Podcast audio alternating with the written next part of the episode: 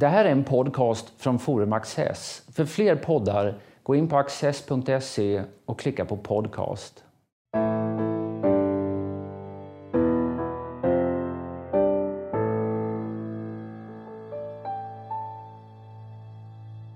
Välkomna till Studio Access.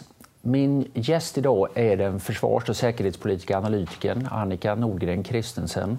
Varmt välkommen hit. Tack så mycket.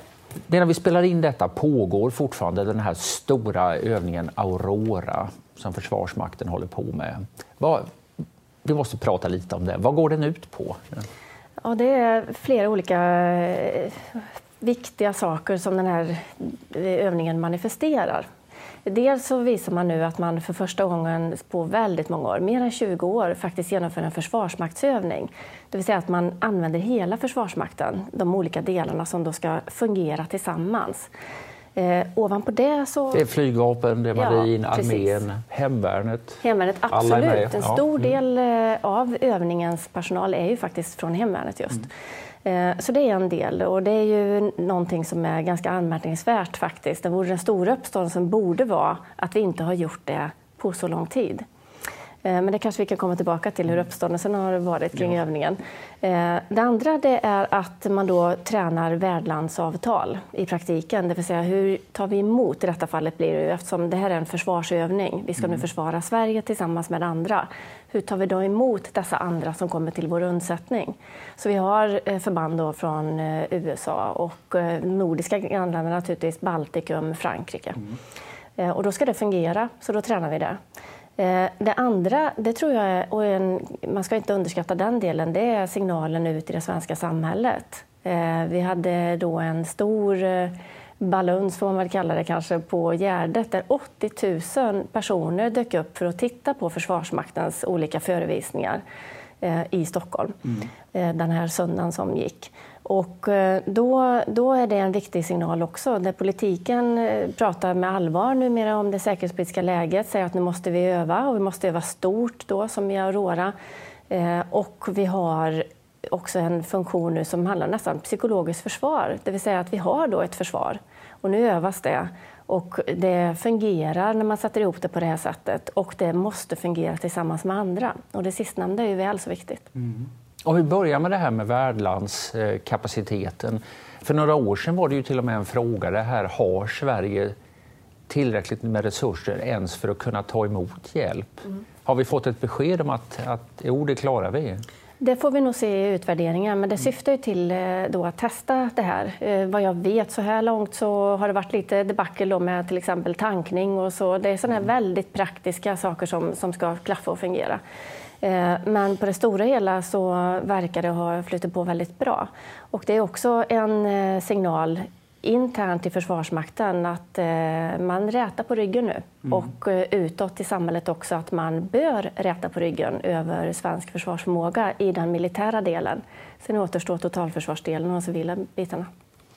Överbefälhavaren var och intervjuades i eh, radions eh, lördagsintervju här för några dagar sedan. Och han verkade ganska entusiastisk då. Det här går riktigt bra, eh, sa han. Är det signalen som kommer utifrån ja. övningens olika delar? Ja, och jag tror det är på goda grunder, men man måste komma ihåg från vilken utgångspunkt man säger så naturligtvis. Och där finns det ju ett inslag av vanmakt eh, i Försvarsmakten under så många år så att man nu, Aurora, gryningsljus, mm. dagen gryr och ljuset eh, stiger, eh, nu är lite livsluft och syre och i grunden, vilket man inte ska glömma, stort allvar. Så på det sättet så absolut, det går bra. Men frågan är var vi hade velat och behövt befinna oss. Det kanske nästan är en, en annan fråga faktiskt. Ett tema som du ofta tar upp när du kommenterar frågorna det är att man har en tendens att jämföra sig med hur det var för några år sedan i Sverige. Men att det egentligen är ganska irrelevant utan det är ju så att säga gentemot omvärldens förmåga man måste jämföra sig. Mm. Och det är svårt kanske ibland att ha de här två ursäkta, två bitarna eh, upp eh, på samma gång. Eh, då, nämligen att nu har vi lyft oss i håret med de resurser vi har och då gör man det bra med gålust i organisationen och alla anstränger sig väldigt hårt och mycket. Samtidigt så är det så att den här jämförelsen bakåt i tiden Eh, och också jämförelsen med hur omvärlden ser ut och hur omvärlden utvecklas. För vår potentiella motståndare, eller motståndarna, de har ju utvecklats i snabbare takt och höjt sin förmåga i snabbare takt och mer omfattande än Sverige. Och då kan vi vara hur stolta vi vill. Och ändå är det så att förmågegapet ökar mellan dem vi vill vara duktiga och kunna försvara oss emot. Mm. Du nämnde det, eh, det har ju varit ganska mycket debatt eh, och eh, en, en, inte ovanlig form av artikel som man har sett på några håll har handlat om Ehm, detta är lögnerna om Aurora. Ehm, och eh, har det florerat mycket sådana här lögner? Ja, ja, det får man ju säga att det har gjort. Och, och framförallt så har de ju uppmärksammats. De ska, naturligtvis ska, eh, ska lögner uppmärksammas och läggas till rätta och besvaras och mötas. Det är ju jätteviktigt. Till exempel NATO-övning och så. Det är ingen mm. NATO-övning. Några av länderna eh, är NATO-medlemmar som är då inbjudna av Sverige för att mm. visa hur man gemensamt försvarar Sverige i det här fallet. Ehm, och det ska bemötas. Men samtidigt har det ju fått sån uppmärksamhet som det inte riktigt förtjänar, tycker jag, om man vänder på steken. Eh, det här har ju ibland framstått som att det är en jättekontroversiell övning som väcker ont blod i delar av samhället på något sätt när det är ett riksdagsparti och kanske ett som är halventusiastiskt och ytterligare kanske något som är halventusiastiskt men ändå stödet är ju jättestarkt. Mm. Eh, så där, det har ju möjligen då man kunnat ta synpunkter på att det varit lite missvisande. Jag tror att det beror på någon slags svensk sjuka närmast att visa att man är objektiv, man rapporterar objektivt om något, då måste man ha någon som är för och någon som är emot. Mm. Även om den som är emot i det här fallet ibland far med osanningar eller har väldigt konstiga syften med sina aktiviteter. Ett väldigt vanligt sätt att göra artikel på i pressen i alla fall, det är ju det här får kritik. En övning får kritik. Ja, men liksom det, sen får, ja, exakt, och av hur många och så vidare. Mm. Det blir som du säger en liten en falsk balans mm. eh, lätt i detta. Så de här 80 000 personerna som på Gärdet i, i, i östra Stockholm eh, tittade på Försvarsmaktens uppvisning, det var inte 80 000 demonstranter som var där och protesterade? Nej, verkligen inte. Och då såg vi heller inga braskande rubriker så här långt i alla fall eh, om gigantisk uppslutning för Försvarsmakten, vilket mm. hade då kunnat vara lika naturligt utifrån om man ville spegla hur liksom, strömningarna går. Men istället blev det då väldigt mycket i början av övningen, tycker jag framför allt, då, den kontroversiella övningen mm. Aurora eh, och så. Och det var faktiskt missvisande. Om man vill ut och demonstrera mot militarism och våld och sånt här så finns ju annars den här övningen Zapad som är den eh, ryska arméns övning som pågår ja, ungefär samtidigt eh, eh som Aurora. Eh, hur mycket har de här två med varandra att göra? Eh, den svenska Aurora har med Zapad att göra på det viset att eh, man har, det är ju en, en, en återkommande mm. rysk övning så det är inte en engångsföreteelse utan man cirkulerar övningar de olika militärdistrikten och nu är det det västliga eh, tur igen. Eh, och så det är inte så att man har planerat Aurora just med tanke på, på det. Däremot så visar man ju på den ryska sidan att man stärker, eh, för man har ju den här typen av övningar varje år med enormt många människor inblandade och de övar anfallskrig mot väst. Eh, så dels kan man absolut tycka att det vore ett lämpligt objekt om man har demonstrationslust och, eh, och sådär att rikta sig mot, mot de här övningsverksamheterna. Eh, men också är det ju så att vi måste möta upp det på något sätt. Vi måste ju naturligtvis också öka, vilket alla politiker inblandade i överenskommelsen har varit, den operativa förmågan i vår egen försvarsmakt. Mm. Så på så sätt så har de med varandra att göra. Men inte direkt eh, utifrån någon slags övningsbetingelser i allmänhet. Om man ska ta upp ett av de här argumenten som då anförts mot Aurora så har det varit att det här höjer konfliktnivån. Genom att öva sig på att försvara sig så, eh, så blir det mer spänt. Gör Sveriges situationen mer spänd. Vad säger du om det? Ja, det är en intressant tanke eh, kan man tycka, men samtidigt så är det ju så att eh, om, det är, om en part av den här dynamiken som man kritiserar, och det är klart att ingen vill att det ska vara en rustningsspiral där det blir ett försämrat säkerhetspolitiskt läge. Men i det här fallet så är det en part som eh, till exempel har annekterat ett annat land och som bryter mot den säkerhetsordning som vi själva säger i vår, våra analyser är så enormt vital för Sveriges säkerhetspolitiska situation eh, och den europeiska säkerhetsordningen. Så jag tycker liksom, det, det, är ganska olika storheter man ger sig på om man likställer dem och anklagar båda sidor i bästa fall och tyvärr i värsta fall ganska många gånger bara Sverige för att vara med och accelerera den här utvecklingen. Eh, då har man eh, antingen är man väldigt enögd och relativistisk i sin syn eller så tycker man att Kreml har rätt. Vi byter spår lite grann. Står och faller det svenska försvaret med Peter Hultqvist som försvarsminister? Nej, det... har nästan låtit så ja. de senaste veckorna. Ja, och det har nog sina skäl. För jag tror att det är så att många har andats ut av lättnad i det här förhållningssättet som just Peter Hultqvist eh, har haft. Nu ser vi, jag kan inte härma hans dialekt, jag hade gärna gjort det för det blir extra effektfullt. Men eh, nu ser vi, säger vi som det är och så tar vi tur med de problemen, säger Peter Hultqvist. Och det har varit en befrielse gentemot eh, vilken färg den har varit på olika försvarsministrar på väldigt länge. Så han har manifesterat lite grann av det här morgonljuset som har spridit sig kring försvarsfrågan eh, på ett sätt som man inte ska underskatta vikten av. Eh, och det är också därför som han har sånt stöd tror jag, i väldigt många olika läger, inte minst inom Försvarsmakten, men också långt in i borgerligheten, som inte riktigt ens kan föreställa sig vilken borgerlig försvarsminister som hade kunnat eh, kommit så långt, inte minst mot Finansdepartementet, som Peter Hultqvist har gjort. Nej, ibland låter, undrar man nästan, liksom, kan det bli borgerlig regering i Sverige? För då bryter man ju rimligen ut eh, försvarsministern och det har låtit som det var det hemskaste som skulle kunna hända för den svenska ja. försvarsförmågan. Och det illustrerar ju det stödet som, som finns. Jag tror en aspekt av Hultqvists eh, eh, gärning är lite underskattad eh, och som hänger definitivt ihop med honom som person. Det är hans tyngd internt i socialdemokratin. Mm. Därför att om man tittar på de här samarbetena som Sverige ingått under hans eh, tid, så eh, värdlandsavtal men också massa bilaterala avtal och inte minst relationerna med den amerikanska administrationen som han då har hållit högt, trots Trump får man säga. Mm. Eh, och dessutom med ett miljöparti vid sin sida i samma regering. Eh, och vi vet ju att det finns starka strömningar internt i S som inte alls är speciellt intresserade av något nära amerikanskt eh, armkrok i liksom försvars och säkerhetspolitiska frågor.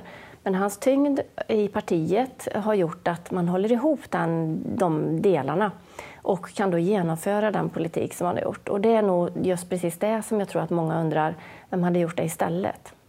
När man ska utvärdera hans insats, tycker du att det är de här eh, bilaterala avtalen, är det det viktigaste som eh, har hänt sedan han blev försvarsminister? I avsaknad av eh, NATO-medlemskap så har de varit väldigt viktiga och då förmågan då att hålla ihop S och MP-regering och ta de stegen. Men det andra är, tror jag, väldigt mycket de relationer som då har uppstått mellan Försvarsdepartementet och myndigheten Försvarsmakten igen, eller förbättrats, återuppstått eller utvecklats och blivit riktigt bra rent av. Mm. Eh, men också, som jag sa, det här eh, värdet, signalen utåt. Det här är viktigt på riktigt och nu ska vi få ordning på det här och vi ska ha ett totalförsvar eh, som är värt namnet. Det sägs ju, ja, och det verkar vara så också, NATO-frågan är död med denna, med denna regering. Å ena sidan. Å andra sidan ingår man det här, eh, Sverige det här bilaterala avtalet med USA. Amerikanerna är här och övar under, under Aurora. Den amerikanska försvarsministern Mattis eh, säger att vi sviker inte våra vänner om det skulle bli eh, konflikt. Mm. Är vi med i Nato?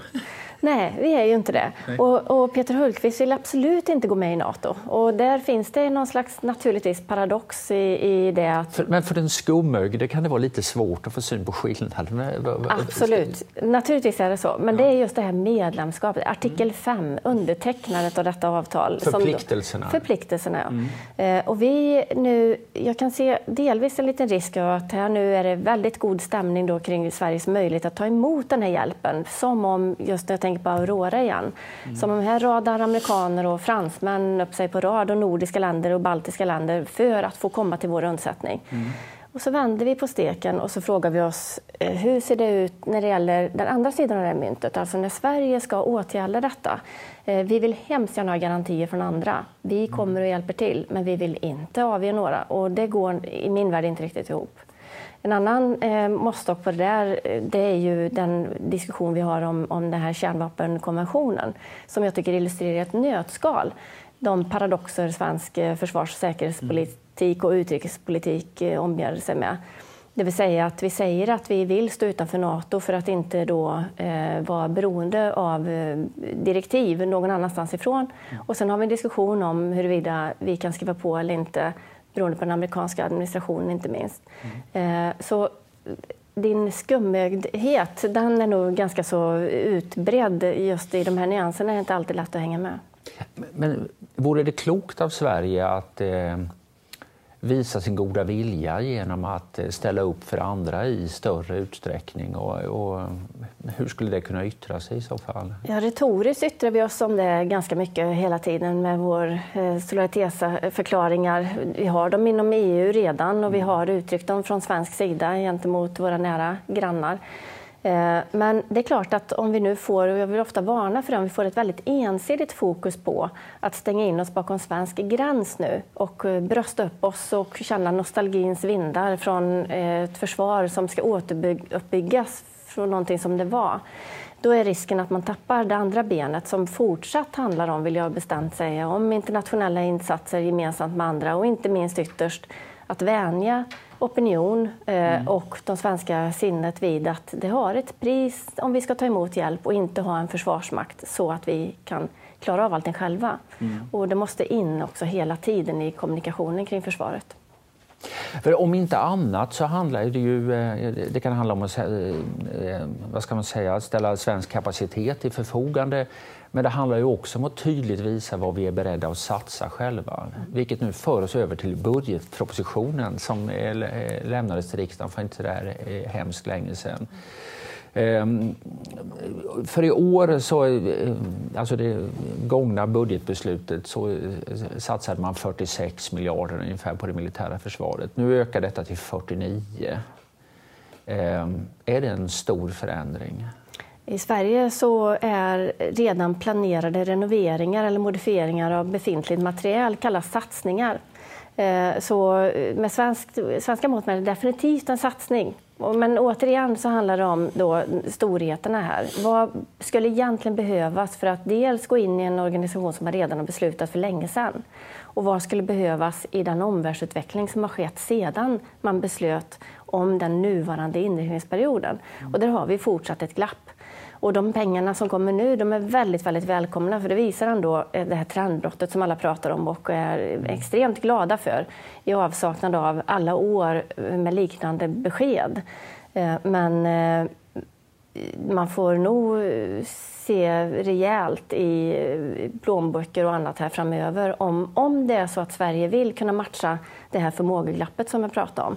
Försvarsmakten har ju uttryckt det väldigt tydligt i sin eh, perspektivstudie som kom ganska nyligen, där man säger att svensk förmåga viker efter 2020 mm, mm. om inte väsentliga medel tillförs.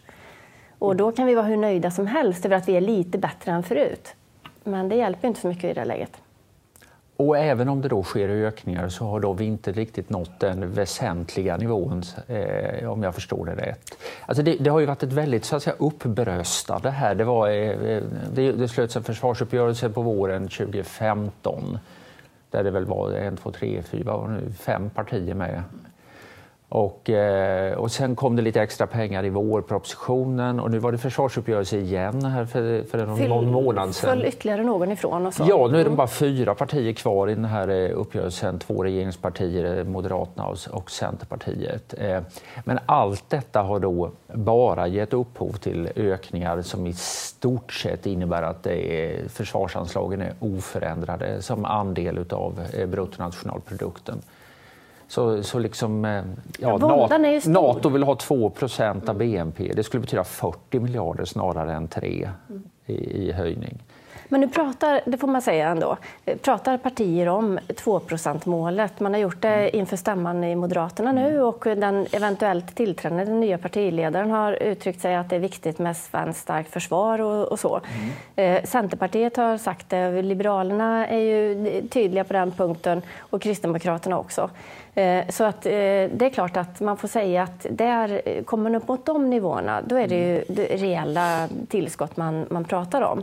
Men än så länge så i den här tiden så måste man ändå konstatera att man är väldigt allvarsam när det gäller retoriken. Och efter sån vånda som det är under de här försvarsbeslutsprocesserna om pengarna alltså, mm. så, så blir det lite grann eh, av ett antiklimax när man kliver ut och deklarerar de här miljardtillskotten i ett sånt läge såklart. Ja, för när man eh, lyssnar till allt detta om att nu är det nya tag och nu satsar vi på ett helt annat sätt och Hultqvist är den som bär upp det hela och så vidare. Så tittar man i den här budgetproppen och upptäcker att där skriver regeringen att regeringen bedömer att Försvarsmaktens samlade operativa förmåga i stort sett har varit oförändrad 2016 jämfört med 2015. Mm. Det har inte hänt någonting. Nej, det finns andra listor i budgetpropositionen som handlar om materielen inte minst och mm. förseningar och så av, av väldigt vitala delar av materiellsystem som vi behövde ha på plats. Mm. Och så så att det där är en kontrast till just retoriken.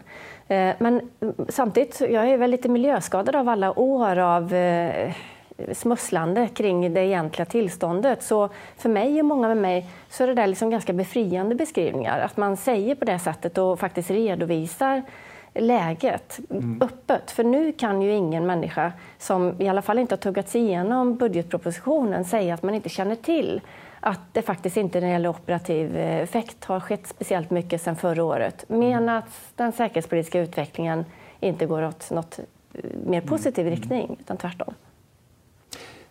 Eh, sist du var gäst hos mig i det här programmet så hade du ganska nyligen presenterat en utredning om eh, personalförsörjningen till försvaret och den som så småningom ledde till den återaktiverade eh, värnplikten. Det har ju inte hänt ännu, men det, eller ja... Man det, mönstrar och är ja, på gång. De, de första som ska göra värnplikt ska väl börja till årsskiftet. Men när jag tittar i andra tabeller här så ser jag att antalet anställda sjunker ju snarare än stiger mm. mellan 15 och 16. Så det är ju också en del av det här. Alltså det, det verkar finnas betydande problem med bemanningen fortfarande. Mm. Kommer din reform att råda bot på det? Ja, det kommer den att göra. Jag ska säga att anledningen till att det sjunker när det gäller de heltidsanställda soldaterna, det är det du upptäckte i tabellen där, mm. som man verkligen hajar till inför. Särskilt som man i den här överenskommelsen senast sa att man skulle öka antalet heltidsanställda soldater. Mm. En del var ju rädda för att nu kommer plikten och nu är det slut med de heltidsanställda och var oroliga för vad det skulle innebära för, för eh, Försvarsmaktens eh, snabbinsatsförmåga. Men så visade det sig inte vara fallet från politikens sida och så kommer detta. Till del har det en förklaring i att man har förlängt eh, utbildningstiden för grundutbildningen. Men det är ett mycket komplicerat och komplext problem. Och jag säger det inte för att, så, för att påstå att, att detta inte är någon fara med de här tabellerna. Det är det. Eh, utredningen kommer eh, råda bot på detta eftersom man kan plocka in, vi vet att vi får in de personer man mm. behöver om man ens behöver plocka in dem med plikt. Nu har det visat sig att intresset har ökat jag ska inte säga som en följd av, men delvis kanske beroende av att diskussionen kring Försvarsmakten, pliktens vara eller inte vara, att det har för många ungdomar uppstått, ja just det, man kan faktiskt gå Eh, och göra en utbildning och mm. se ett yrkesliv framför sig i Försvarsmakten också. Så det verkar som att inflödet har ökat av helt så säga, frivilliga personer som på eget sätt söker sig in till Försvarsmakten. Mm. Jag hyser med andra ord eh, gott hopp om att just den delen ska bli bättre eh, och där är plikten ett instrument. Så får vi se hur den här fördelningen mellan entusiastiska fullt ut och halventusiastiska som kommer in med plikt eh, kommer se ut framöver. För de helt ovilliga de kommer inte vara aktuella på länge. Vad ser du hända i, i eh, vad ser du i korten så att säga, i försvarspolitiken här? För det, den har ju också fått lite nytt eh, liv. Det är klart att det, det här manövrerandet visavi Hultqvist om man skulle eh, yrka på misstroendevotum eller inte.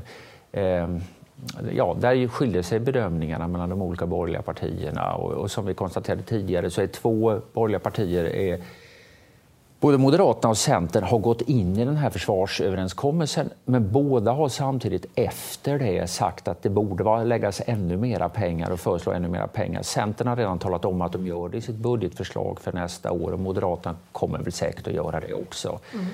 KD och, och, FP har kastat loss FP för två år sedan och, och KD nu. här. Är det liksom eh, försvarsrally som pågår här nu om att bli högstbjudande och att det upplevs finnas en en poäng med det. Ja. Och, och, är det bra eller dåligt ja, i så fall? Ja, ja. Exakt. Eh, jo, jag tror att det kommer pågå ett sånt rally ett tag. Eh, risken är, eh, tror jag, eller så här, ibland undrar jag hur djupt den där insikten om både Sveriges säkerhetspolitiska läge men också förmågeglappet återigen, hur vi står oss egentligen relativt den eller de vi vill behöva försvara oss emot. Eh, det vill säga, vi har ett presidentval i Ryssland under våren. Eh, ponera att det går bättre än väntat. Och det kan vara rent förskräckligt, därför att vi alla förväntar oss ett fortsatt elände i Ryssland. Men säg att det går lite bättre än väntat. Kommer man då i en stor enda utandning från politikens sida tänka sig att bra, ja, men då behöver vi inte hålla på på det här sättet och prata om försvaret mer. Det vill säga, hur djupt har det satt sig att man faktiskt lite mer oberoende av hur det aktuella läget precis just nu är, Eh, är villig att investera i de här strukturerna. Det sätter jag ett frågetecken fortsatt. Eh, det andra det är som en, alltid en risk i den här sortens... Eh, när, när folk får feeling på olika sätt i olika politikområden. Det är ju då kombinationen av att man vill tilldela pengar, eh, kombinationen av stor okunskap, eh, stor entusiasm och en och annan peng. Det vill säga, vad vill man då göra med de här? Kommer man fortsätta ha presskonferenser där man går in på materiellsystemsnivå på ja, suddgumsnivå kan det kännas som ibland. Mm. Istället för att låta professionen nu ta de här pengarna forma dem som professionen tycker att det här är bäst för svensk operativ effekt och försvarsförmåga. Mm. Och sen i så fall utkräva ansvar på ett resolut sätt för en gångs skull i Sverige om det är så att man inte upparbetar pengarna på ett sätt som gör att man faktiskt kan mäta den här förmågan. Mm. Eh, det tror jag eller jag tycker så att det borde vara nästa stora fråga i försvarspolitiken. Hur mycket man ska in och peta i sin entusiasm nu mm. och villighet att stå och eh, brösta sig då på presskonferenser om att man tar det på allvar. Och det dunkar ner i någon detalj någonstans. Ett regemente ska vara där och ett materiellsystem ska köpas här. Så det riktiga rallyt borde vara att ta ett steg tillbaka och låta professionen ta över? Det borde ett... Och, och vad är sannolikheten för det? Ja, jag never ever give up, som man säger. Men jag får fortsätta framhärda denna önskedröm. Därför att då kan man prata om att faktiskt då eh, också ta professionen på allvar på ett annat sätt. Nu föser man lite grann eh, professionen, alltså officerarna och försvarsmaktsledningen framför sig då, när man försöker rycka initiativet och på goda grunder och visa för en gångs skull att man vill någonting med detta område. Men istället absolut mer resurser. Se till att göra jobbet på den politiska sidan med det som inte Försvarsmakten ska sköta, med avtalen och annat. Men sen så ska man, om man ska ha effekt, då ska man faktiskt låta Försvarsmaktsledningen säga sitt. Annika Nordgren Kristensen, tack så hemskt mycket. Tack.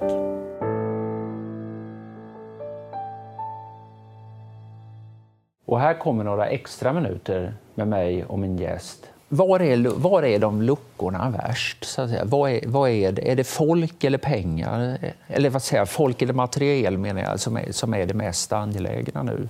Som du ser det? Mm, ja, det är svårt. Det, det, är nog ungefär lika illa faktiskt. Men å andra sidan så har du inte folket till materialen så, så gör det ingenting hur mycket material du köper in. Så man måste ändå mm. på något vis takta det hela. Och, och, och, har du som sagt inte folk att bemanna de här materialsystemen med så behöver man inte köpa några. Det är egentligen diskussionen om JAS-systemet där det också är lite grann sådär, hur många ska vi ha nu? Vi ska ha så många, säger någon, och vi ska ha så många, säger en annan. Sen har man inte koll alls på hur det ser ut på pilotsidan. Vi kommer inte anskaffa ett JAS-plan eh, så som politiken nu uttrycker ambitioner om att kunna faktiskt eh, göra någonting med, med det. Därför att pilotbristen är katastrofal framåt. Eh, allt sånt där är väldigt gränssättande för allt vad politiken ens vill hitta på med Försvarsmakten framöver. Så mm. jag skulle nog ändå säga att att personalförsörjningen är extremt eh, viktig. Officersförsörjningen inte minst. Är det svårt att rekrytera piloter? Ja, häpnadsväckande nog. Man kan tänka sig att det måste vara det mest lättrekryterade i hela Försvarsmakten. Ja, men lite naivt skulle jag ju gissat på det, men, det, men det är inte, så är det inte. Så är det inte. Nej. Så är det inte. Och där finns det eh, svåra avgångsproblem framåt eh, där man faktiskt då ser att där kommer effekten nedgå om inte stora saker görs. Mm. Märkligt nog kan man tycka. Eh, så, men på materialsidan finns det stora brister också fortsatt. Så att det, det, det är därför jag är lite svävande. Jag har svårt att slå isär det och säga vad man måste titta på mest och bäst. För det finns ju dels själva vapensystemen, men sen får jag ibland eh, tanken att har vi tillräckligt mycket? Eh, vi har, eh, flyget har robotar, vi har ammunition, men har vi tillräckligt mycket? Mm. Eller har vi ett plan som kan skjuta av två robotar var och sen är det inget kvar liksom, som de kan fortsätta och, och arbeta med? Det är ganska väl eh, diskuterat tycker jag, då, just den här uthållighetsaspekten. Mm. Dels beror det på hur länge tänker vi att vi ska försvara oss med det vi har? Och rimligen så lång tid som det tar, får vi hoppas då, innan vi får stöd av mm. andra. Och det kan ta sin tid. Det är inte så att det kommer som välordnat på Aurora att man för transporterar och så mm. bryter övningen lös. Utan detta ska ju då, det ska fattas beslut och det ska transporteras eh, material och människor till mm. Sverige. Eh, så frågan är då, är det den tiden vi ska så att säga, hålla våra plan i luften för att ta det som exempel. Mm. Men vi vet redan nu att om man får allvarliga systematiska kränkningar i luftrummet eh, från, alltså, som vi har att hantera så nöter man ner flygvapnet på ganska kort tid. Mm. Så det är klart att det finns en uthållighetsaspekt även om det då inte är så att Sverige står eh, i ett krig mot en annan nation på sitt eget territorium utan det kan röra sig om andra typer av angrepp som då nöter ner de här väldigt avskalade och anorektiska systemen. Mm. En annan aspekt, eh, apropå mm, det vad som är de stora problemområdena och luckorna, det är, jag måste säga igen eh, när det gäller totalförsvaret, alltså det samlade samhällets förmåga att hantera eh, inte minst den typen av påfrestningar som till exempel systematiska kränkningar innebär. Och där har vi nu nästa storövning som blir en intressant eh, eh, studie också, hur det svenska samhället reagerar. För 2020 så ska vi ha den första totalförsvarsövningen på oändliga tider. Och då har vi också då det civila försvaret som ska vara inblandat och de civila systemen som ska jacka in för att visa att vi eh, i den bästa världen fungerar ungefär som den ryska, då, att vi kan använda hela samhällets mm. förmåga. Jag läste i dokumenten här och någonstans hittar jag formuleringen att eh, nu eh, regeringen har gett sina myndigheter i uppdrag att ja, jag kommer inte ihåg om det står inleda totals, eller återuppta, kanske det står försvar, totalförsvarsplanering. Mm från och med 2015. Men, men den har legat nere helt och hållet? Ja, det har inte funnits någon. Eh, och, eh, så där är, det får man börja från början. Och då helst inte damma av de där per, permarna som fanns på totalförsvarets tid när det begav sig. För det är, det är ett helt annat samhälle. Det, mm. finns, eh, det är bara att se hur, vad som har eh, sålt, vad som är privatägt i olika funktioner och så som tidigare man visste i Totalförsvarets chefsnämnd, då hade man liksom gänget som hade hand om allt som var relevant för totalförsvaret. Mm. Nu eh, ser det helt annorlunda ut. Och där är vi bara i början. Och där vet mm. vi, inte minst med tanke på Zapad som vi pratade om, att där tränar man just för att hitta eh, våra samhällen, får man säga, våra svaga punkter mm. eh, i en total eh, samlad krigföring. Eh, för något år sedan hörde jag förre chefen för eh, Försvarshögskolan, Kallis Neretnieks, eh, ja, bara redogöra ganska torrt för vad, vad händer när, med försörjningen i ett avspärrningsläge och sånt här. Publiken kunde knappt resa sig, de var stela av skräck när de hade hört den här genomgången. För det, eh, det tar inte ja, det lång känns, tid. Ja, ja, det, nej, men alltså varor, det ligger, finns inga gigantiska lager längre utan det är allt är just in time. Och, mm. och eh, vi, har, vi har under lång tid inte tänkt på, eh, på eh, att det är på det sättet och att, det, att vi kan vara sköra därvidlag. Verkligen. Men det ska nu testas då 2020, så det blir mm. nästa sån här eh, mätpunkt för inte minst också då någon slags försvarsvilja och eh, allmänhetens inställning. Mm. För jag tror fortsatt det är så. Nu ser vi effekten av Aurora att eh, det verkar som att ändå, trots då vissa proteströrelser av olika slag, som att det finns ett stort stöd. Folk går ut och tittar på den här över, övningsverksamheten. Lägger ut bullar och kaffe på Gotland för mm. soldater som kan vara trötta och hungriga och sådär. Så det, allt det här är ju intressant att skåda. Men om man då ska öva att vi faktiskt då som helt, hela samhället, vad som händer i ett eh, läge som är krig eller en allvarlig kris, mm. då får vi se vad svenskarna tycker om det. Men är det myndigheterna man ska öva då eller ska man öva i samhället som helhet? Ja, det... Så man kommer in på ICA men man får veta att man inte får handla. Det hade varit extremt intressant, särskilt om ja. det inte hade varit förberett utan en, närmast en, någon slags här, totalförsvarets beredskapsövning. Jag tror inte man kommer Nej, gå så långt. Möjligen det. hade det varit eh, kontraproduktivt för den svenska försvarsviljan rent ja. av. Eh, men tanken är i alla fall att då ska vi sätta lite större delar av samhället på prov. Och då ska vi också ha kommit en bra bit mycket längre när det gäller just totalförsvarsplaneringen, är det ju tänkt i alla fall. Vi ska ta runda av. Jag ska bara ställa en fråga om eh, där vi började, nämligen Aurora. Och eh, det förutspåddes av många att, det, att Aurora skulle utsättas för ja, psykologisk krigföring, propaganda, desinformation hur mycket har man kunnat se av detta?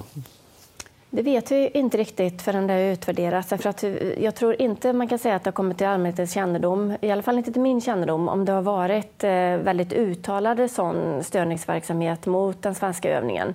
Jag har sett eh, misstänkta radarbilder och annat på att det har försigkommit ett och annat sån störningsmoment. Vi har Eh, naturligtvis eh, återigen eh, identifierat, verkar det som, drönare i luftrummet ovanför svensk övningsverksamhet och så. Det vet vi inte, i alla fall inte jag, i nuläget var de kommer ifrån. Mm. Eh, men mm, lite aktiviteter naturligtvis, som är högst förväntade. Mm. Eh, däremot när det gäller propagandadelarna så är det klart att det kräver nog lite omfattande genomgångar av de här olika aktiviteterna som var framförallt i början. Hur de här grupperna och så har argumenterat och eh, agerat. Hur mycket som är inslag av direkt rysk påverkan, det är ju väldigt svårt, och det är hela finessen med alltihopa mm. naturligtvis, väldigt svårt att utröna.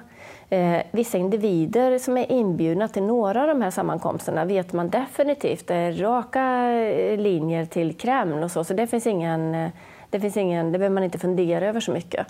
Men jag tror att det, det, ska nog och bör nog vara en eh, ganska noga och eftertänksam utvärdering så att man inte ropar vargen kommer, så att inte den svenska allmänheten nästa gång man säger att här har det varit en hel del propaganda och desinformation, mm. säger att ja, men ni hade fel den där förra gången. Så här, här tarvar långsiktig försiktighet från eh, statsmakternas sida. Mm. Ja, klarspråk och kunskap, precis som du var inne på tidigare. Ja. Stort tack! Tack så mycket.